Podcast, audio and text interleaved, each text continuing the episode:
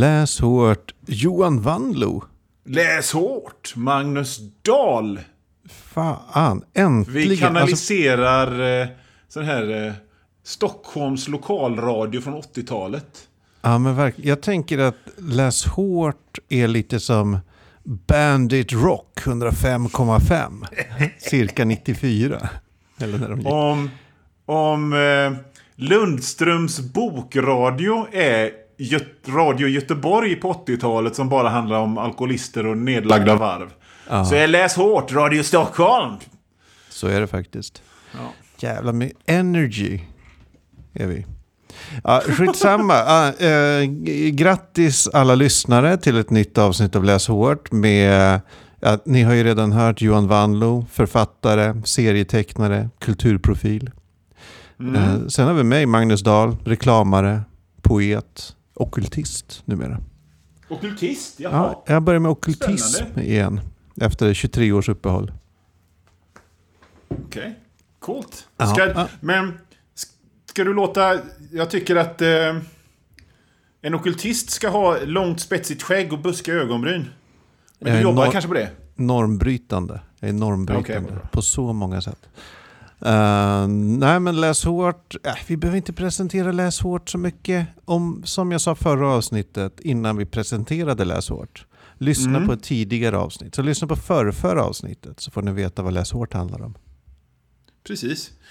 Bra idé. Ja, äh, vi har inte tid med Eh. introduktioner. För jag vill fråga dig direkt Johan.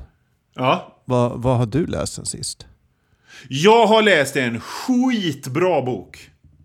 Eh, som heter så mycket som... Om den nu var så jävla bra så hade jag väl kanske kommit ihåg den utan att behöva konsultera um, Goodreads medan vi spelar in. Men, men jag har ett hektiskt liv och mycket att göra. The Only Good Indians av Steve, Stephen Graham Jones. Det är en skräckbok. En skräckroman som utspelar sig eh, bland... Eh, Alltså Stephen Graham Jones är ursprungsamerikan. Men han skriver liksom ordet Indiens hela jävla tiden. Men jag tänker att det får han göra. Men den När är den skriven den här? Eh, eh, Den kom ut 2020. Okej. Eh, Men den handlar alltså om ett gäng sådana där ursprungsamerikaner som när de var unga på, på reservatet gick ut och jagade. Och då kom de in, de kom in på förbjudet område, de kom in liksom där, där the elders ska sk- bara få jaga. Men de var så glada och drack öl och hade skoj. Så, och då sköt de en, en magisk älg på något sätt. Och tio år Såklart. senare så hämnas den här eh, älgen på många olika sätt. Och fy fan vad bra den var! Och, och, Alltså och det grejen finns var... ju, det, det låter inte så bra. Alltså det, det är något med orden magisk älg som inte, Ja. som inte liksom ö, kommer, kommer, det låter, det låter, eh, det Men- låter som en magisk älg. Men grejen är att jag, för typ tre avsnitt sen så, så pratade jag om hur jag tycker mig märka hur litterära författare börjar bli mer genre-savvy. Ja. Och det här är väl en, en, en, en, en variant som är tvärtom då, vice versa. För här är det någon som är jävligt genre-savvy som är en otroligt bra författare. Och liksom, det är ju en gammel story med, med, med, med en förbannelse. Så här, men, men det är... Om vi säger så här, boken var så välskriven att jag hade svårt att läsa den första gången. För det Åh, var, jag kände liksom, men det här, är, det här är som att läsa Elis Monteverde Burao eller någonting. Det här, jag kommer inte in i det här. Så jag sket i den. Tills jag gav den en chans igen och liksom sjönk in i språket och eh, sådär. Och det är jag glad att jag gjorde för att Stephen Graham Jones har ett väldigt, eh, liksom ett värdigt men samtidigt mustigt språk. Och han tar de här ganska enkla grejerna med, med, liksom en, med en förbannelse och gör någonting väldigt bra av det. Det är liksom inte någon, något nytt på något sätt utan han bara skriver bra. Och gör såna här grejer som sista fjärdedelen av boken så handlar det om en person som inte har varit med överhuvudtaget. Som blir bokens huvudperson. Och det funkar jättebra. Och eh, jag tänkte så här när jag läst, slog ihop den att jag har läst Skräckens framtid. Men så visar det sig att han har skrivit böcker i 15 år. Och det har kommit ut en bok till efter den här. Men fy fan vad bra. The Only Good Indians of Steve Grave Jones. Och det är så kul när man hittar någon som är bra som han har läst. Som han har skrivit en massa böcker som man kan läsa sen också. Ja, verkligen. Risken är att man blir besviken. Men ofta inte kanske. Ofta, om det handlar om en ung, relativt ung person så, så är det ju oftast så här att eh, böckerna är, de är bäst nu. Ja, det är och så kanske går man tillbaka sämre och de är sådär och så. Ja, man hittar någon som har... Ja, ja, ja, precis. jag, när, har jag sagt det? Att när jag, min, en av mina favoritförfattare, John Crowley, som har skrivit Little Mm. Big till exempel, och Egypt och sådär, som jag älskade Mm. för jättelänge sedan. Så gick jag tillbaka och läste hans novellsamlingar som, och böckerna som han debuterade med och var så jäkla Mm. besviken. De var inte alls bra. Eller så var jag bara i fel stämning då, vem vet. Men det, vi återkommer ofta det här till så här, äh, språk och att man svårt kommer in i böcker och sådär. Och äh, just den där känslan du hade att det var... Nej, men näst, att man nästan får en liten vördnadsfull känsla inför... Att man ser nästan en text som så här ouppnåelig. Det här kommer jag inte klara Mm. av. Det här är för tungt eller för högt för mig. Det är en Ja. farlig känsla att ha. Alltså det sabbar. Det sabbar så jävla Ja, mycket. det. Man ska bara in och, och bara kötta i texten. Ja, och, och samtidigt så försöker jag liksom inte liksom läsa böcker som jag inte går vidare i. För att de Nej. känns, men det är ju sällan, det är sällan, för jag, jag, visste, jag visste ju att det här var bra. Jag la, jag la inte ner den för att den var dålig, utan jag la ner den för att jag hänger inte med. Det här, det här är liksom... Men när man väl upptäcker en, en människas språk och lär sig det, då, då funkar, det, funkar det bra. Har Mm. Ja, det- du läst något bra på sistone? Ja, ah, du skojar inte. Det har jag. Nej, men eh, jag, jag vill läsa, dels läser jag klart eh, Mark Lawrence Red Queens War-trilogi. Det är liksom Ja. action Jackson rakt igenom. Det är bra grejer. Men, eh, men egentligen två, två böcker jag skulle vilja ta upp. Den första Mm. är lite vampyrerotik. Från Jaha, vad härligt. 1999. Eternal Hearts. Skriven av. Lucy, Lucy, Lucy Taylor. Eh, det är en bok som utspelar sig i här, Vampire the Masquerade-världen. Som var så stor på 90-talet. Och det är en Jag tänkte bok... precis säga det, att det lät, 1999 lät så jävla Vampire Darkness, solglasögon i natten. Ja, det är exakt så. Och den är, jag skulle säga den skulle inte gå att ge ut idag. För den är så otroligt så här... Alltså det finns många, finns många så här spår i Vampire the Masquerade som olika böcker tar upp. Eller liksom så här, det finns dels en så här, jag vill vara farlig grej.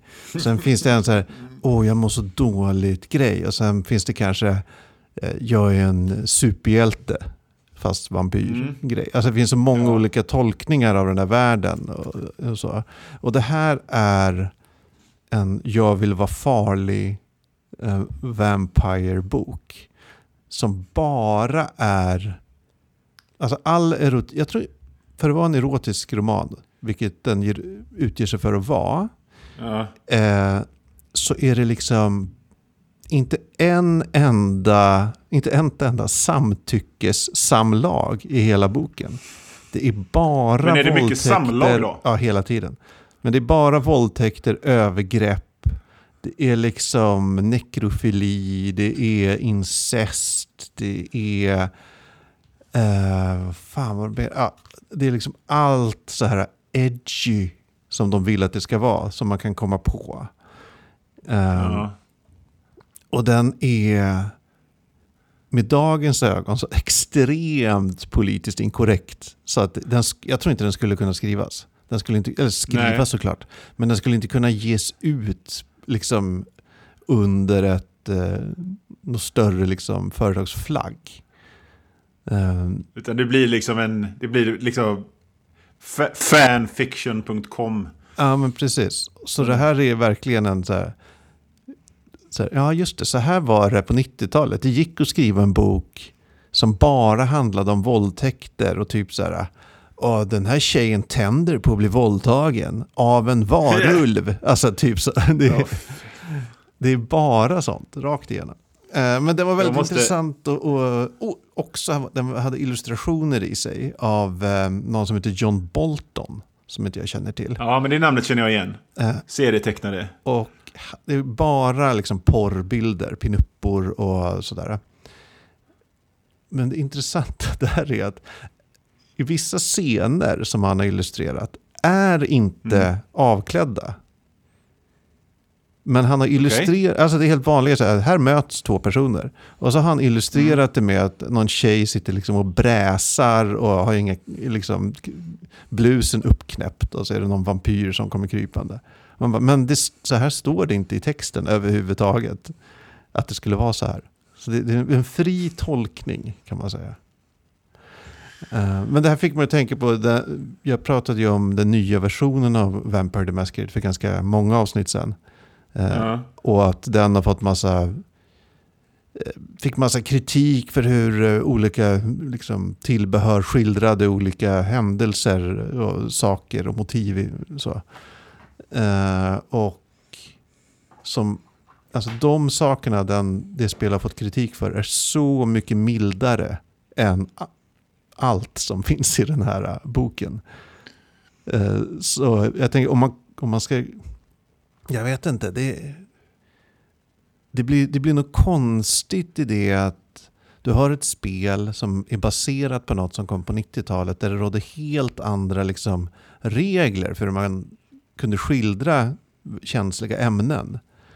Då har, Mm. de, och så har man kvar det liksom legacyt, eller det arvet. Mm. Och försöker göra lite samma sak nu och det bara inte funkar överhuvudtaget. Är det så med nya Vampire the Masquerade? Ja, men nu tror jag det inte är så längre. Men i början när det släpptes för några år sedan så var det liksom... Eh, fick det jättemycket kritik för olika eh, övertramp, så att säga. Men Mm. eh, ja, anyway, det var den. Det- Eh, väldigt spännande. Och, alltså, den Får jag bara kul att läsa i någon sorts om- etno, hi, kulturhistoriskt perspektiv. Eh, liksom Jo, men det, det, alltså. Det räcker ju med att läsa Bigless, liksom, så, så, så är det så här, okej. Eh, moral är någonting väldigt... Eh, någonting väldigt amorft Ja, och böljande. Men jag måste bara, om vi kan ta ett litet sidospår här, så just det här 90-tals-edgigheten. Eh, liksom om man, om man följer med ett slappt öga amerikansk serie-Twitter så har det ju senaste tiden i, i, eh, i följderna av, av, av Gamergate, och jag ska inte gå in på vad det är, för det vet de flesta som lyssnar på det här programmet vad det var. Men det kom ett Comicsgate, och då var det naturligtvis en massa reaktionära stötar i min ålder och lite yngre och lite äldre som, som tyckte att serierna har blivit för politiserade, det är för woke, det är för... Och så, och så tänker jag... Det slog mig nu då, liksom här, häromdagen när jag såg ytterligare en sån här grej. Att det här är alltså människor som ser fyra år på 90-talet som den gamla goda tiden.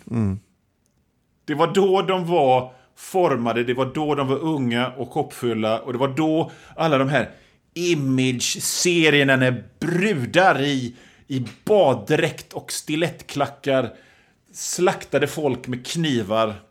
Och det var Rob Liefeld och det var tuttar och det var bad girl art och det var... Och liksom det var ju en väldigt, väldigt liten, liten, liten, liten period som det funkade. Säg 94 till 99. Och jag tycker bara det är roligt liksom att, att, att den, den gamla goda tiden handlar om fyra år liksom. Fy, Ja, det, det... det- Det, var vad- för att inte- För jag kan lova dig, den här Schyffert grejen- hade väl någon sån där i sin n- 90s monolog. Att Mm. eh, ja, men så här, eh, folk går klädda som när de fick ligga som mest. typ. Mm. Det är inte riktigt samma här, men det är väl liksom att ens bild av vad bra serier är formas av kanske när man så här, den här känslan man har när man upptäcker något lite farligt och vuxet i sin Mm. X-Men eller whatever. Eller, känns- eller liksom kombinationen av eh, jag har gått ut skolan och har ett jobb och hela världen ligger öppen för mig och här är fräna serier. Och så, sen så övergår det snart till löneslaveri och fetma. ja. Och så, och så blir det så här. För jag kan ju garantera, för liksom, om, man, om man har varit med en stund. Den här Vampire the Masquerade-grejen som du beskriver och de här tutt och rump-serierna. De hade inte flugit på 80-talet på det sättet. Nej, det tror jag inte. Eh, 80-talet var det mer, eh, vad brukar Simon Gärdenfors säga, buskisvåldtäktsmännen. Alltså att det, det är så här, i film, i komedier begås sexuella övergrepp och det är lite där, wow, vilken fumlig kille. Så här, typ så. Revenge of the Nerds, Ja. liksom sådär. Ja, men jag menar, det, det finns ju jävligt mycket tabubelagda eh, ämnen och, och, sånt som till exempel gjordes i serier redan på 60-talet. Men det hade inte gjorts på det, på det sättet. Liksom. Det, hade, det hade gjorts med en medveten om att det här, nu spräcker vi tabuer! Mm, ja, Eternal Hearts är ju, förlåt. Mm. Nej men Eternal Hearts, Nej, den okej, boken, är ju verkligen, och kolla nu, kolla vad jag vågar skriva. Hörni, kolla här. Nu, nu har han sex med ett avhugget huvud. Va? Lyssna. Va? typ så. Men du, den, an, den andra boken jag läste, den andra Ja. boken jag läste heter Bad for you, Exposing the War on Fun. Det är en, eh, Mm. jag vet inte vad det, en serie, en se, ett seriealbum som är liksom reportage, ett reportage, dokumentär, vad kan man säga?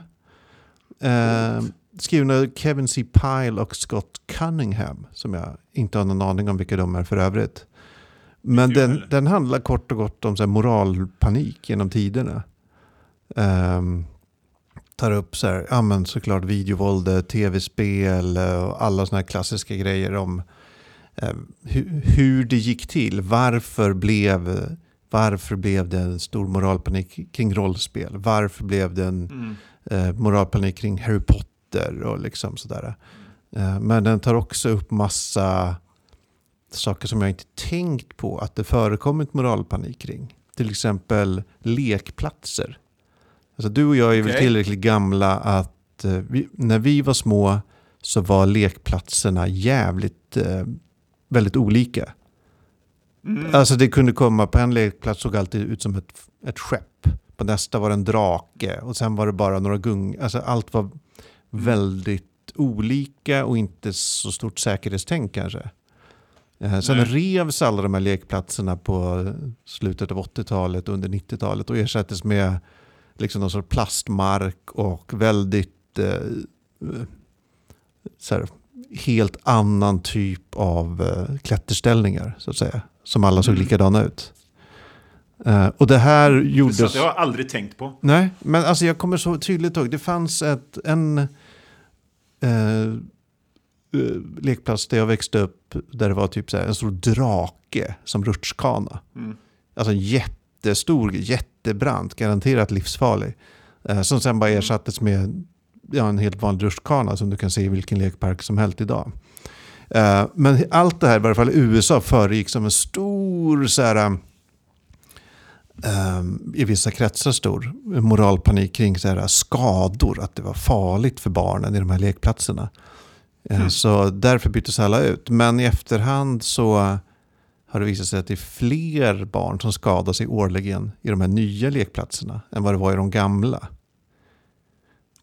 Ja, verkligen.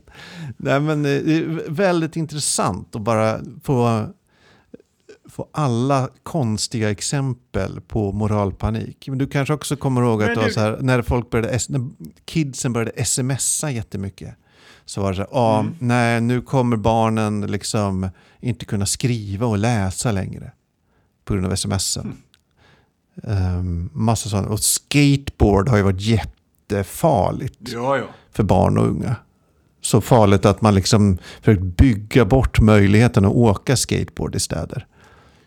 Problemet med såna här, såna här böcker, The War on Fun, det är igen att det blir liksom lite Timbro över det. Ja, Bara... lite. Nu är vi... Lite, nu är det lite så här, tänk vad sossarna, de, de tycker det, va, röka lite cigaretter när man går på krogen, det är, väl inte, liksom, det är bara en känsla jag har. Är, det- är Ja, den här den, den här är inte så. Utan den, det visar sig att väldigt ofta är ju upphovet till de här moralpaniken, det kommer ju från liksom högerkristet håll. Eller från, eh, så att säga, eh, typ olika experter eller forskare som är lite sugna på att göra karriär. Och därför slarvar lite med sin forskning för att få fram de här spektakulära resultaten att, Ja, ja. ja, whatever, att eh, Harry Potter är farligt och förstör folks hjärnor och måste brännas och sådär. Eh, så det är mer åt det det känner man ju igen. För den går, de, han, de här författarna går liksom igenom ganska grundligt vad, vad som föranledde hela s, s, moralpaniken. Ja men liksom, vad heter det, Comic Code-grejen i USA. Ja, Det var ju ja, bara baserat på he- helt jättedålig forskning och liksom ledande frågor och hittepå rakt igenom. Eh, Jo, att jo, här, serier är farliga för ungdomen. Därför måste de regleras. Det fanns ingen sån. Det, det var hot take-branschen för, för 70 år sedan. Liksom. Ja, precis. Ja, men Du, så den här boken, intressant. jag har aldrig hört talas om den. Nej, Vad, vad, vad, jag- Vem ger ut den? Vad? Den ges ut av ett, jag ska se vad förlaget heter. Den ges ut av eh, Henry Holt and Company. Den går till 2014. Jag snappade upp den, ja, typ 2014. Eh, för att Boing Boing, eh, den här sajten, skrev om det. De bara skrev, nu har den här feta boken kommit. Tips. Och då, sen skrev jag upp den i här, vill läsa-lista. Och sen har den legat där sedan 2014. Och så fick jag den i julklapp. För jag ran, helt random önskade med den i julklapp i fjol. Så fick jag den. Eh, och nu har jag läst den. Coolt. Mm. Jag blir lite sugen på den också faktiskt. Ja, är, den, är den snygg liksom? Eller är den... Alltså den, ja, den är inte ett... eh, Den är inte i en stil som jag uppskattar kan man väl säga. Den är någon sorts... ehm, jag vet inte fan, alltså den är ganska cartoonig med anspråk på realism och ganska plottrig. Alltså typ Mm. så här, du har ett ganska enkelt tecknat ansikte men Ja. alla rynkor är utritade. Typ så. Okej. Vad jag. För jag, letade snabbt eh, fram den och liksom, den ser ju inte lockande ut. Liksom. Nej, det Det gör ser den ut inte. som liksom, dålig underground. Liksom. Ja, Ja. den är, alltså den är inte vacker. Det är den inte. Men var väldigt intressant. Alltså, nej, men det Jag har inga problem läst. med att någon försöker förbjuda Harry Potter, men det är mest för att det är töntigt, inte för att det är farligt. Ja, precis. Det- är en helt annan bok. Uncool for you, kanske den heter. Det blir min nästa bok. Ja. Jag har bestämt det redan Ja. nu. Men eh, du förresten, innan vi, innan vi hoppar på huvudnumret så var jag Mm. hemma hos eh, mina svärföräldrar helt corona-safe eh, över påsk. Mm. Mm. eller på, i påskas. Och min svärfar läser jättemycket deckare. Alltså kanske norra Europas största samling av eh, thrillers och deckare. Ja. Eh, bokhyllor överallt, jättemycket deckare. Och då kommer jag till, alltså det är ju så man, man det, det, är, det händer ju något när man kommer in i ett hem och det är Mm. jättemycket av en speciell genre i bokhyllorna. Jag har ju jättemycket Ja, visst. fantasy. Jag antar att folk reagerar på det när de kommer hem till mig. Så, Jävlar vad mycket fantasy. Eh, Mm. och säkert eh, hemma hos dig också. Det är inte bara så här, här är Ja, någon som ja, läser kanske. mycket, utan så här, oj, här är någon som läser jättemycket skräck. Typ. Här är jättemycket westerns. Eller Ja. jättemycket westerns. Uh, och då kommer jag att tänka på det här fenomenet. Jag vet, har du en, en uh, skrytbokhylla eller en fin bokhylla? Ja, Men min finbokhylla är ju inte som jag gissar andras finbokhyllor. Utan min finbokhylla är på grund av att vi bor eh, liksom två vuxna och två tonåringar i en fyra i Göteborg. Så att jag har liksom mina fina serieböcker hemma. Bara. Mm. Och så har jag resten här på kontoret. För det finns inte utrymme till allting. Och då, då, tänk, då är tanken lite grann att de här tittar jag i ofta. Eller den här vill jag läsa om. Eller den här tänker jag mig liksom att barnen skulle kunna vilja läsa om några år. Typ alla Tintin och sådär. Men det är inte riktigt det du menar med skrytbokhylla tror jag. Nej, Men jag har en lite fin bokhylla. Åt det liksom. hållet. Lite åt det hållet är det ändå. För när jag växte upp så var det väldigt vanligt, bland annat hemma hos mig, att eh, folk hade liksom, kanske läst jättemycket böcker. Och de stod i sovrummet eller i någon avkrok i lägenheten eller huset. Men sen i Mm. liksom vardagsrummet eller där man umgicks mest, där var det en hylla eh, med... Eh, vänta, nu knackar det på dörren här. Kan vi ta en paus? Vänta. Ja, absolut. Eller vi bara fortsätter rulla så ska jag se vad det är. Ja. Spännande. Tack.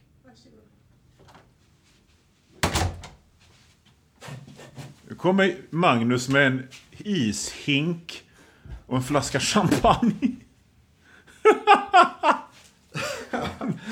Uh, jag fick in Jag, jag, en flaska. Oj, jag, vänta här nu. Vänta här nu. Uh. jag sa det till... Liksom, jag, jag beskrev just vad som hände. Liksom, som om han vore liksom Sean Connery så går, så går du fram och öppnar dörren och får en ishink med champagne. Ja, det var ex- exakt vad som hände. Eh, lite bakgrund till det här är att jag har tagit in på hotell för att fira världsbokdagen, som är idag när vi spelar in. Men också för, Jävlar, att, ja. ja, också för att min fru eh, kanske är orolig för att jag håller på att gå in i väggen av att vara föräldraledig eller något sånt där. Och eh, nu dök det upp en flaska champagne som inte jag har beställt utan som var en gåva från några kompisar som jag har en chatttråd med. Ja, Oh la la! ja så jag, jag vet inte, ska jag öppna den här nu tycker du? Gör det? Ja. Det tycker jag. Öppna den nu. Jag kan beskriva. Jag Och där ser man en människa som har jobbat i mediebranschen och bott på Östermalm i väldigt många år som vet precis hur man öppnar en champagneflaska. Inget jävla ploppande så det sprutar utan det är väldigt stiligt. Av med den här grejen runt och så håller man fast i korken och vrider underifrån. Som en expert. Och så ska, är det ju viktigt att det inte ska ploppa så mycket. Nej. Det ska inte Nej. smälla. Ja, men jag ska bara Mycket hälla upp snyggt. lite här så... Ja, ja, fy fan vad festligt. Själv, själv ska jag väl ta en plopp sen. För att fira att det fredag. Fan vad roligt.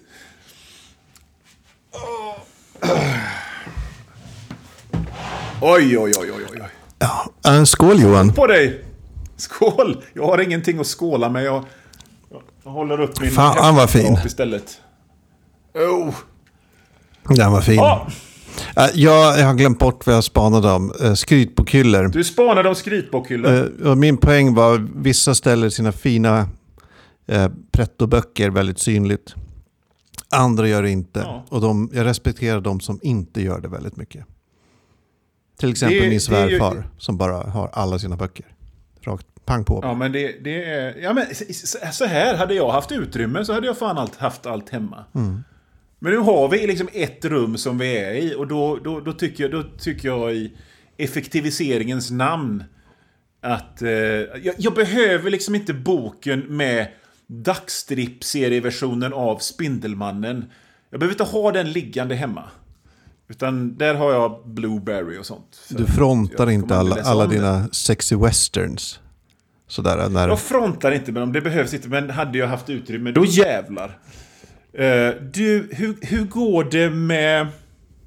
Jag hade en lite sån här, vi kallade det här programpunkten för spaning. Men jag tror jag skiter i min, för min var så jävla töntig i jämförelse. Speciellt när det kom in champagne mitt i Ja, alltihopa. fan vad gött. Så jag tycker vi stryker den. Och så går vi in på våran, innan vi går in på huvudrummet. Hur går det med ditt läs, eller ditt köpstopp? Det går alldeles utmärkt. Ja. Ja, jag har inte köpt en enda bok. Däremot har jag köpt två tarotkortlekar. Så Herren ger och I Herren din tar. nya eh, ockultismgrej. Precis. Jag har brutit min. Ja, med vad? Nej, alltså jag... jag eh, för, för, alltså mitt köpstopp gällde böcker, serietidningar och DVD-filmer. Som jag har liksom, jag har ett helt liv med filmer liggande i en garderob som jag inte sett i plasten fortfarande. Det är så sjukt. Men det kom en, det kom en, eh, en serietidning som jag köpte på Comixology för att det, det blev sån hype kring den. Och det är eh, Ultra Mega Ursäkta. av James Harron. Ultra Mega heter den. Och den är av James Harron och kommer ut på Image. Och det var så mycket snack om den så jag kände att jag var tvungen att läsa den. Eh, bra skit alltså. Eh, jag kommer inte ihåg vem som är tecknade en den, men det är... ironisk titel? Så här, ultra mega. Ja, men alltså det är, det är en eh, dekonstruktion av kaiju-genren. Du vet Ah, ja, jättemonster och. Ultraman och sånt där. Ja. Eh, och det handlar om en, en dystopisk framtid. Och då, då är det såna här grejer, då, då, då finns det några som är, blir såna här Ultraman-liknande jätte, jättar som slåss, slåss mot monster. Men så blir det också såna här effekter av att ja, blodet från monstren översvämmar stan och, och koagulerar så snabbt så hundratals människor drunknar. Och sådär, i blodet och det är asfräckt. Fy fan. Och, eh, det låter faktiskt asfräckt. och- och- Mer asfräckt det än magisk det- älg. Nej, oh, oh, ja, faktiskt. Och eh, jag måste säga att jag, jag är glad att jag bröt mitt... Jag, det, jag ser det som ett litet återfall bara. Mm. Men då har du ju, Jag det är kommer- bara ett av dina undantag där väl? Alltså det, det är ju ändå en serietidning det är frågan om. Nu är det i och för sig en, en serietidning som är tjockare än andra serietidningar. Varje nummer är 60 sidor. Och så, därav så kommer den mer sällan. Så kanske hinner jag läsa alla i mitt undantag. Men sen så undrar jag också, eh, för att just, just, just att, att inkludera serietidningar i det här känns lite meningslöst med tanke på att jag är med i fem reguljära serietidningar som kommer hem varje, varje månad. Och, och så får jag liksom typ en, tre andra. Som bara kommer, för att jag sitter uppe på någon prenumerationslista. Liksom. Jag var med i, eh, i 91 mellan 2012 och 2015. Den kommer fortfarande och sådär.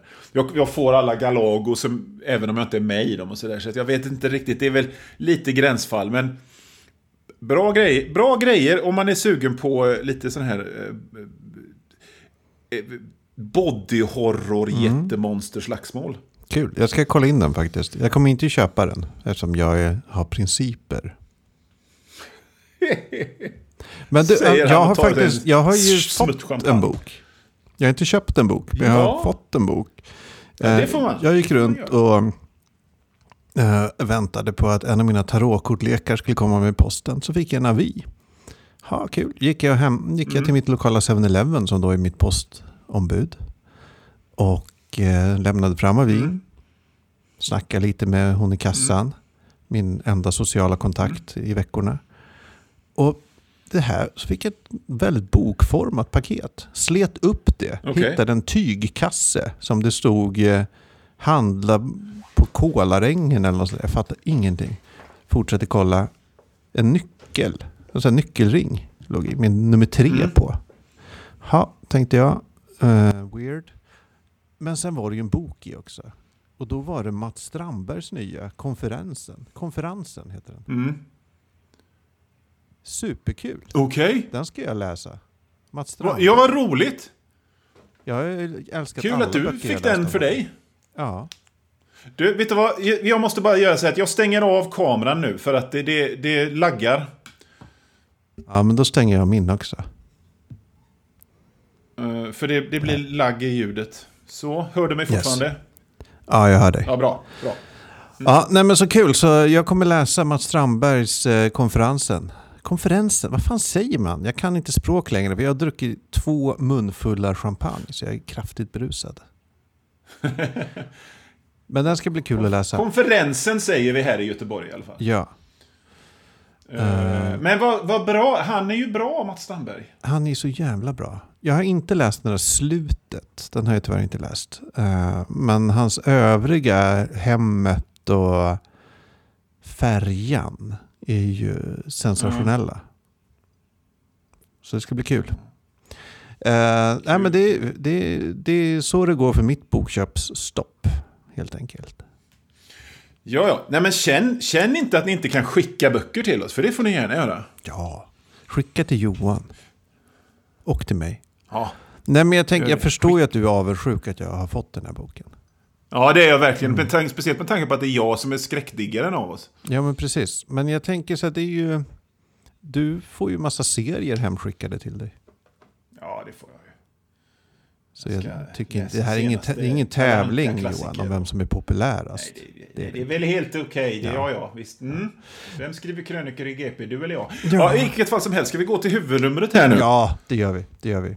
Det gör vi. Du, du, det här är ju Mm. ett lite speciellt... Säg bara, vad, vad är det för bok du har läst? Vi har läst två olika böcker. Jag har läst... Jag tyckte att vi skulle läsa bortglömda bestsellers. Sånt där som man hittar i eh, tvättstugor och sommarstugor och på Röda Korset. Som en gång i tiden har sålt som fan, men som, som eh, är bortglömt. Så jag, jag eh, läste 79 Park Avenue av Harold Robbins. Just det. Och jag har läst... Eh. Eh, eh, vad fan heter hon? Gud, jag, hur, kan jag, hur kan jag glömma bort vad hon heter?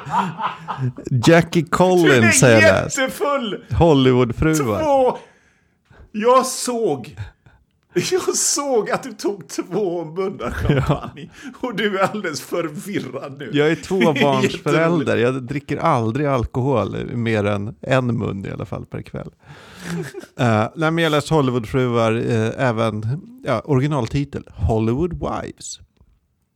Och det här är ju lite speciellt för Läs hårt. Tidigare när vi läst, ofta läste vi ju samma bok och pratade om den. Och Ja. tidigare när vi läst olika böcker har det liksom antingen varit samma genre eller samma författare fast olika Ja. titlar. Men den här gången så är det ju Alltså det är de mest olika böckerna vi läst i Läs hårt. Det är ju liksom olika Ja, genrer. Eh, Ja. Ja, Tror jag. Min är väl vad som Mm. brukar kallas för tantsnusk. Men jag kommer komma in på det lite mer senare. Och Mm. hur skulle du beskriva din genretillhörighet? Ja, ja, det är ju komplicerat det här. För att jag tänkte när jag läste den att det här är någonting som inte finns längre men som jag minns från min barn och ungdom. Det vill säga det här episka... De är, det- och det fanns ju massor med miniserier på tv också. Som utspelades under lång tid och det var dramatiska öden och Ja, men så liksom vackra... flera generationer. Alltså episk i den Ja. ursprungliga bemärkelsen i princip. Ja, nej, kanske inte flera generationer, men du, liksom, du vet, de, de, coming of age, fast under 20 år. Ja. Och så där. Det fanns jättemycket sådana miniserier som, som gick på tv och som man kunde hyra liksom, på, på video i sådana tjocka boxar och sånt där. Och det där ser man inte så mycket idag. Jag hittade, när, jag, när jag gjorde research för, liksom, när jag skrev ner vad jag skulle skri, säga i det här programmet, så, så dök det upp eh, termen airport novel. Den, den har jag sett i andra sammanhang. Ja. Och på Wikipedia står det represents a literary genre that is defined no, so, not so much by its plot eh, or cast of characters but of the social function it serves. Liksom. Ja, men Eh, den är- den, den ska vara tj- tjock och eh, gå, fast, gå snabbt. Just det. Det, Eh, Om jag sitter och klunkar och smackar här så är det för att jag dricker champagne. Svälja rapar-avsnittet Ja. Precis. Nästa Men, gång ska jag äta när vi spelar in. ja, okej, men så det, det man kan inte säga att det här som förut, det är inte två Cozy Cat Mysteries vi har läst direkt. Nej, nej, Det är nej. inte två eh, 70-tals brittisk sci-fi eller sådär. Utan det är ändå ganska olika genrer. Som jag har fattat det av, av mitt googlande. Eh, Ja. Men också så här, det skiljer, Men jag tycker ändå de... det skiljer 30 Jag tycker ändå år det mellan... finns... Förlåt, kör du. Ja. Jag tycker ändå det finns någon slags beröringspunkt mellan dem lite grann, känns det som. Ja, det kanske vi kommer in I, på. i, i ja, visst. Mm. Ja, men det är, det är också så här, det är 30 års eh, skillnad mellan publiceringarna. Eh, Hollywoodfruar, Mm. Hollywoodfruar kom eh, 83 och din kom väl så här, Ja. på 50-talet någon gång. ja, det skulle jag gissa. Eh, det är 21 år i åldersskillnad mellan författarna. Och de är liksom Ja. eh, du, olika kön, de olika bakgrund. Robins som jag fattar är liksom uppväxten i någon sorts så här, judiskt eh, lägre medelklasshem i Brooklyn. Och Jackie Collins kommer från någon teaterfamilj i London. Mm. Eh, Så det är, liksom, det är många, de är liksom olika, olika bakgrund, olika år, olika generationer. Liksom. Det enda som jag, när jag kollat runt lite, så är det, det enda som egentligen förenar dem är att båda har eh, något mått av judisk bakgrund och båda debuterade när de var så här 31-32. Ja. Men annars är det ju helt, det, det är ganska brokigt. Så jag tänkte att vi ska försöka, vi får liksom hänga upp den här diskussionen på några frågor. Alltså dels kan vi Ja. börja med här, varför blev det en bestseller till att börja med? Och liksom, sen kan vi fortsätta med, håller boken idag? Och Ja. eh, kanske avsluta med en diskussion om så här, hur mår genren? Den här, vad det nu är för genre de tillhör. Hur mår Ja. den genren idag? Finns den kvar? Eller är det här eh, något som glimrade till för eh, 30 till eh, 60 år sedan? Vad tror du om det? ja, det är intressant. Det, det är jättebra. Det är jättebra. Så kör vi, Ja. Men då kanske jag... tycker jag. Kan, berätta lite, vad, vad handlar din bok om? Ja, min, min bok handlar om en, eh, det, det är en ung kvinna från fattiga förhållanden som eh, eh, eh, är väldigt brådmogen. Föräldrarna är alkoholiserade och de bor i en liten lägenhet och det är arbetarklass. Och, eh, men hon röker cigaretter och springer med killar. Och hon träffar två killar som hon strular med. Eh, den ene en elak kille och den andra en snäll kille. Och, och hon, hon blir fotomodell och sen blir hon prostituerad och sen blir hon madam. Alltså typ någon under sorts den här eh, tid- bordellmamma. Ja, alltså hon blir chef för en eh, eh, modellagentur men som är en, en bordell. Okej. Och, men hon är väldigt snäll och har moral ändå. Och hon, hon träffar de här männen under, under hela sin uppväxt och ung vuxenblivande. Och eh, den ene killen, Mike till exempel, som hon tycker bäst om och som är snällast, han, han blir väldigt skadad av kriget. Och i slutet är han... Eh, är han... Eh, jag går händelsen i förväg. också. men så gifter hon sig med den här elake killen, men han dör. Och i slutet så är den här Mike då, som hon har känt sedan hon var tonår, tonåring, eh, är hennes åklagare när hon då har blivit eh, eh, liksom haffad för det här bordellmammeriet. Mm, Men hon, hon erkänner sig skyldig och men då har hon ju ändå fått Mike.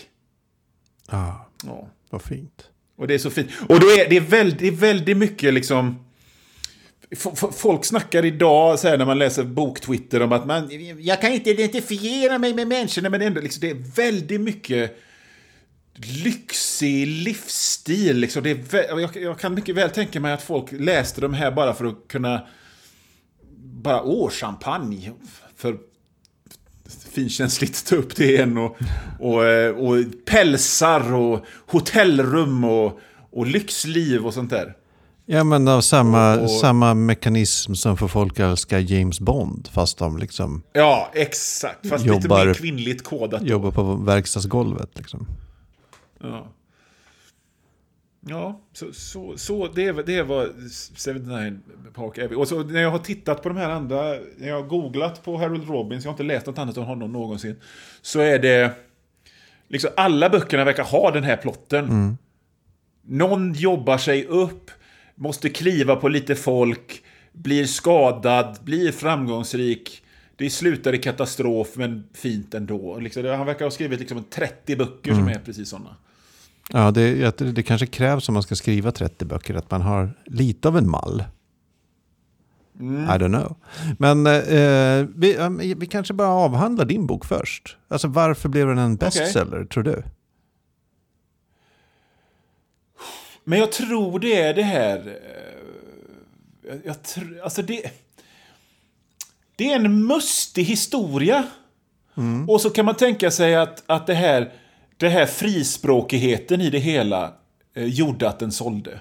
Ja. För att man kan tänka, men min bild av amerikanskt 50-tal är väldigt tillknäppt. Och när någon skriver rätt upp och ner om någon som är prostituerad men, men är en normal människa ändå, då oj vad konstigt. Oh, det måste vi läsa. Men sen, sen så kan jag tänka mig att folk fortsätter läsa de här böckerna för att det är ju å ena sidan rätt tråkigt. Det är väldigt mycket folk som dricker champagne i, hotellrum Ja. aslänge. Men det är också mustigt historieberättande. Det, det, det, det, det, det är en slags slafsig hantverksskicklighet i det hela. Det är liksom inte statiskt och det är inte uträ eller ja, det är uträknat säkert med det här med sexigheten och de här lyxiga detaljerna. Men det är även ärligt och rättframt berättat. Jag tror att det, det går fram. Men det är ju, det är ju liksom dockteater. Om någon, om någon är otäck i den här boken så är han orakad och har linne och dricker ölburkar som de knycklar ihop och slänger. Och sådär? Ja, jag fattar. och folk har väldigt stora känslor hela tiden. Det är ingen subtilitet, utan folk faller ihop i gråt. Och de, de, även männen. Och de blir arga och slår sönder hotellinredningar och sådär. Så att, eh, jag tror att man, hade, man blev grundligt underhållen av de här böckerna. Det, är, det är nog det jag känner. Ja, Gjorde den till en bestseller. fascinerande. Alltså, Sen hade ju. Harold Robbins en väldigt funky livsstil också som, som blev väldigt omskriven. Han, han, han odlade myten om sig själv och hade orgier och bodde i mansions och åkte helikopter och hade älskarinnor. Och, han ringde säkert... Eh, Han levde som han skrev. han levde som han lärde. Han levde så, write what you know. Men liksom om, han var, om han var otrogen mot sin fru så ringde han själv tabloiderna liksom och sa det. Så att, ja. Ja, ja fan. Men det här med stora känslor, det kom, återkom ju i, i Hollywoodfruar. Där är det mycket, Mm. folk är, eh, i alla fall inombords, har de väldigt mycket känslor. Sen kanske Mm. inte det alltid kommer ut alla gånger. Men ja, eh, tycker du att, alltså håller boken idag? Nej, det, det gör den inte. Jag tror att folk är för sofistikerade för det här idag. Eh, och jag tror att den är för trökig i longörerna. Men samtidigt så, så liksom likväl som den faktiskt är skriven på 50-talet så skulle den lika gärna kunna utspelas 1984. Kände jag många gånger. Ja, ja men lite, inte helt, eh, eh, vad heter det?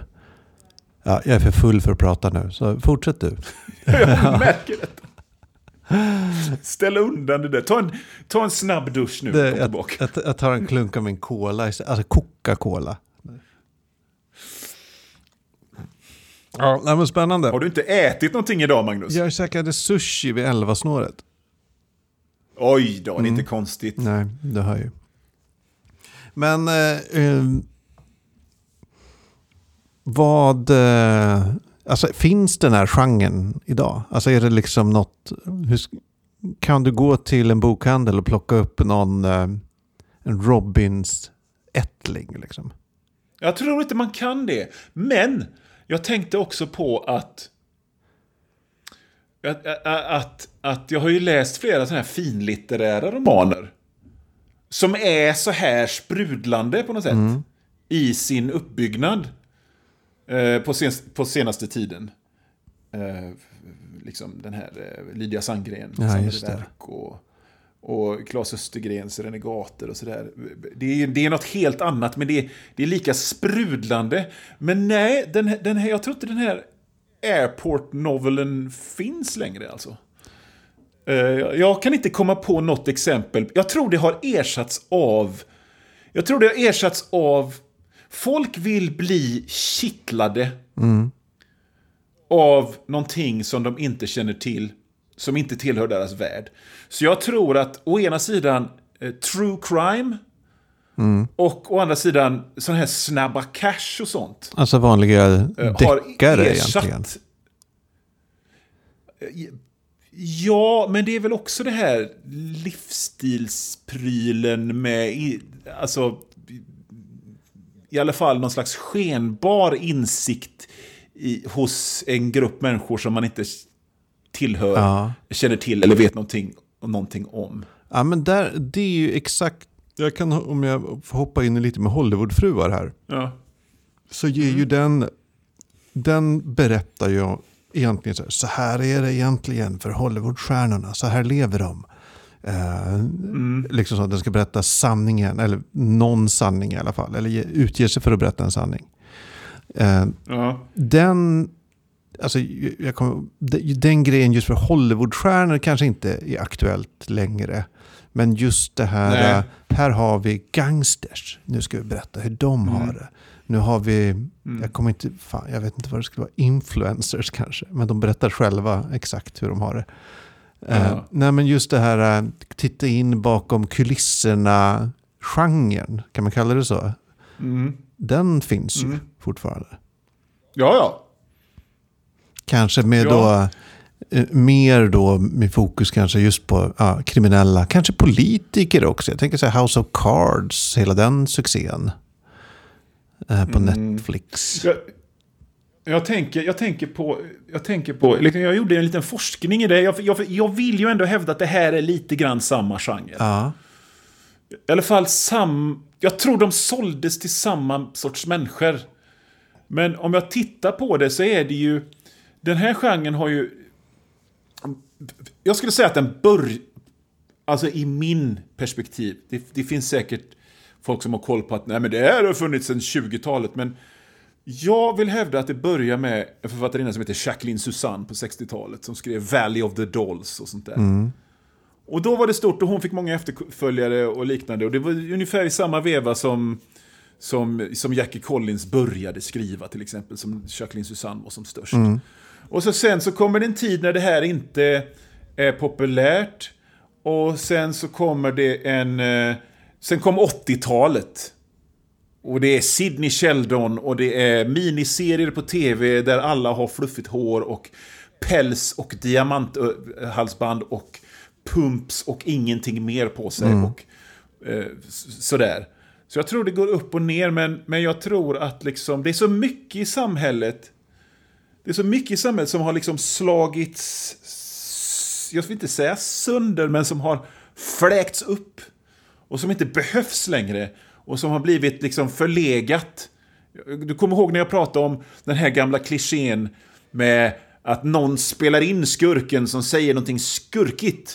Och så, så spelar de upp det i en högtalare och så, och så tycker alla men du är ju en skurk, du var ju inte alls en fin människa. Det, det går inte att göra den grejen idag, för, vi, för det har vi ju sett. för helt Eh, politiker säger de mest skurkaktiga saker och kommer undan med Ja, det. liksom och, och, och, och sådär. Så att, så att eh, jag tror det är lite det som gör att den här genren inte finns längre. För att eh, det, är, det är bara googla så får man liksom läsa om folks orgier hit och dit. Ja, nej men alltså jag, det, jag kan hoppa in lite där igen med Hollywoodfruar. Att, eh, alltså, anledningen till att den blev en succé, förutom att det är en bra bok, är ju ja, men jag tror just det att den... Alltså den kom ju i något så, jag vet inte, jag tänker mig att tidigt 80-tal var så här peak Hollywood. Det kan, det, jag har inget belägg för att det skulle vara så. Men alltså att myten om Hollywood var så jävla stark under den här Har du perioden. nog fan rätt i. Att ja, men det är liksom, föregående decennier har liksom byggt upp hela det här. Och, och liksom även Ja. skandalerna var så här eh, hårt regisserade, om man säger så. Mm. Eh, my- jag tror mycket beroende på att liksom förhållandet eh, kändis-journalist var jävligt annorlunda på 80-talet än vad det är idag. Att det fanns liksom en, Ja. Eh, men jag kanske överdriver, men då var det typ så här, okej, eh, vi har fått reda på att, ehm, eh, fan vet jag, ABBA-Benny har den här, varit med i någon sliskig otrohetsaffär här nu. Eh, Okej, Mm. men om vi inte skriver om det, då kommer ABBA-Benny ge oss, gå med på den här jättestora intervjun där han berättar om något annat som också är superintressant och kommer sälja jättemycket. Eller så här, Mm. okej, men om vi inte berättar den här saken om Madonna så kommer vi ha en jättebra Mm. relation med henne när vi följer med henne på hennes världsturné eh, hela sommaren. Eh, Mm. och att den typen av relation finns inte längre, den sortens deals finns inte längre mellan liksom, redaktioner Nej. och kändisar. För nu har kändisarna i princip inget behov av eh, mediehusen, av tidningar. Nej. Av så här, för de sköter allt sitt eget via sociala medier. De behöver inte Mm. deala och wheela. Eh, och, och med det har kommit att alla kändisar också fläker ut sig jättemycket hela tiden. Så det finns liksom inte sam, den här glamourfasaden som fanns kanske för Hollywoodkändisar 83. Alltså jag vet inte om du tänkt Nej. på det, men numera så är det ju det är inte ens att ja, men kändisar, filmstjärnor, de låtsas ju inte ens vara så här, nej jag är bara så här naturligt muskulös och smal och sexig. Jag behöver inte träna så mycket, jag äter sju pizzor om dagen. Som de kanske gjorde Mm. liksom bara för så här 15 år sedan. Utan idag är det så här, precis. jag tränar som en dåre varenda dag. Jag äter bara en, eh, ett gram selleri i veckan. Liksom. Alltså de, det, är mer, alltså det finns inte någon glam, glamorös fasad på samma sätt längre, förutom pengar möjligen. Nej, och, och, och sen, sen det här också att Hej och hå, jag är jättevanlig. Här, här, här är jag, världsstjärna, och nu ska jag pranka folk ihop med någon pajas. Ja, precis. I en dolda Och, här har jag lagt upp 60 Insta-stories om hur jobbigt eh, jag tycker kändisskapet är. Alltså det, det här på 80-talet kunde man ju ändå... ehm, alltså det fanns ju ändå någon, någonting i det här att kändisskapets baksida var inte lika utfläkt. Nej. Alltså på samma sätt som det är idag. Det var inte lika utforskat. Det fanns inte en det fanns inte some kind of monster. fanns liksom inte. Eh, Nej, Där man nej, ser hur nej. jävla trasiga de här människorna är som man har dyrkat. Eh, Ja. men så när det gäller Hollywoodfruar så tror jag att det är mycket av succén. Att den liksom var, nu ska jag, Jackie Collins, som är en del av liksom Hollywood-etablissemanget, ska berätta hur det egentligen ser ut. Det, skandal.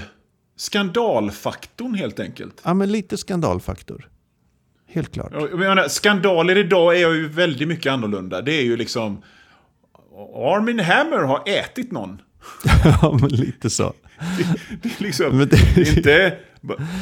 Det är också Rock det här att är lite sjuk. att eh, medierna nu, eftersom de inte kan, de får ju ingenting gratis längre. Eller de får ju ingenting av Nej. kändisar överhuvudtaget i princip. Annat än helt på kändisarnas villkor. Så är ju de, medierna Mm. slänger ju upp liksom de mest, varenda litet rykte blir en nyhet. Hur bisarrt det än är. Så här, någon i eh, Kardashians närhet säger att Kar- eh, Chloe har dödat en människa. Nej men inte riktigt. Men du, alltså det är så här, det finns ribban för en skvallernyhet är liksom jävligt låg överlag. Du, jag, jag känner så här att, att jag har inte tid att vara kvar här så himla länge till. Så att jag har en fråga. Ja. om Hollywoodfruar. Tyckte du den var bra? Ja, Hade du kul? alltså jag Vad- hade svinkul. bra. Jag kan väl säga bara snabbt så här. Om den här boken hade marknadsförts annorlunda, eh, med, med liksom kanske någon annat omslag, kanske en annan titel, eh, så hade den idag räknats som eh, alltså en så modern noir-klassiker, skulle jag säga. jag måste läsa den nu känner jag. Alltså den är, ja men det är, det är bara det är trasiga människor. Det är en, en seriemördare som liksom är hela tiden lite i bakgrunden. Ibland kommer ett kort kapitel där man följer en seriemördare som är liksom på väg någonstans, som har ett ärende någonstans. Eh, och så alla de här kändisarna och eh, som liksom deras stories sakta vävs samman och så är man så här, ja men den är, det finns ingen, ingen god, det finns ingen o, knappt någon ond. Alla är bara så här på väg neråt ungefär. Röt. Ja. Ja, jag, hade, men jag hade inte lika kul när jag läste min bok. Nej. Men det fanns stunder när det glimtade till och när det lyckliga slutet kom. När den här kvinnans eh, liv liksom både raserades i och med att hon skulle hamna i fängelse, men även att den här Mike då som hon suktat efter, att det till slut blev de två, så blev jag blev lite rörd. Ja, Jag tyckte det var fint. fint. Så den hade det ändå. Men, men, men som sagt, jag tror att din bok var modernare på det sättet. Och därmed, man var lite mer van. Alltså, det, det var ett segt berättartempo. Mycket, mycket advokater som satt och pratade. det är Bara, snabbt, jag kan ju säga om ni vill läsa Hollywoodfruar, eh, läs den på engelska. Jag började med den svenska, jag läste ganska långt i den svenska och undrade fan vad segt det går. Eh, sen av någon anledning köpte jag den på Kindle också för att jag behövde kunna läsa i liksom, brevet sovande barn. Och då märkte jag fan vad snabbt det går när jag läser på engelska. Eh, det är inte en dålig översättning, men den är lite ålderdomlig. Alltså man, jag stannar upp mig på att men typ, hon, det heter inte fjärrkontroll, utan hon översatte till eh, fjärrstyrnings, tvns fjärrstyrningsenhet. För att jag gissar fjärrkontroll var inte etablerat 85 eller när den här översättningen kom. Så det är lite, Det är som- lite sådana saker som ibland, alltså det är att, att liksom bitch översätts till satmara. Alltså det är ganska, det är, det är inte dåligt, det är bara, det är liksom, det, det är lite ålderdomligt bara. Jag, jag måste bara säga en sak. Jag, jag, det finns en bok jag aldrig glömmer. Det finns en sån här tidig VHS-film som man, alla killar kollar på som heter eh, Panik i Central Park. Baserad på en bok som heter eh, The Park is Mine. Ja. Eh, Som var en thriller. Och den, jag läste den på svenska. Det var en sån här bra bok. Väldigt ofta användes, ut, skrev de uttrycket pippande. Det var roligt. Ja, okej. Eh, Istället för fucking ja, jag fattar. Ja, det är mycket sånt. Din Också, pippande svinpäls. också vissa saker som att mace, du vet tårgas, eh, inte Ja. översätts. Utan det bara står mace. Hon var på en kurs och Okej. lärde sig att använda mace. För det måste inte ha varit liksom en grej i Sverige 85. I guess. Ja, Det var väl mer kloroform eller en blydagg i bakhuvudet Ja. i så fall. Men du, eh, om du har lite bråttom så tar vi och, och eh, avslutar det här världsboksdagsfirandet. Och Ditt, ditt världsboksdagfirande verkar bara ha börjat Ja. om man säger så. jag har bord på en restaurang här om eh, två timmar. Bara det. Ja. Du, eh, jag har bestämt vad vi ska läsa till nästa gång och det kommer bli en serietidning. Kul! Yes! Ja, och det kommer vara Vampire, en Vampire the Masquerade serietidning. Du, jag har blivit lite nyfiken på det här Vampire the Masquerade för du har pratat om det så mycket så att det ska bli kul. Ja. Be berätta mer. Ja, men det, det finns ett förlag som heter Vault Comics som eh, numera ger ut en eh, Vampire the Masquerade-serie vars första liksom, trade paperback-samling just har kommit. Och den heter Winter's Teeth och är skriven av eh, ja, inga namn jag känner igen. Tim Seeley, Tinny Howard och Blake Howard. Ritad av Jag känner igen Team Seeley väldigt Ja, det väl. gör du. Den är ritad Faktiskt. av Dev Hans- Pramanik och Nathan Gooden. Okay. Ja. Säger mig inget. Nej. Men Tim Seeley är... Han har skrivit och ritat asmycket. Ja. Han är mest känd för en eh, skräckkomediserie som heter Hack Slash. Okej. Men han har skrivit jättemycket Marvel och DC. Och han skrev...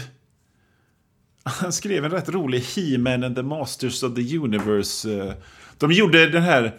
Uh, det, Into the Spider-Verse-grejen fast med He-Man. Där alla olika så, iterationer av, av He-Man.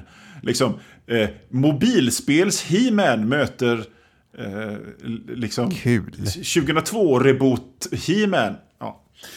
Skit i det, sidospår. Ja. ja, men så den, den vill jag läsa, den här um, Vampire the Masquerade. Speciellt då i, i ljuset av att jag just läste den här uh, vampyrerotikan från 1999 som var ganska brutal.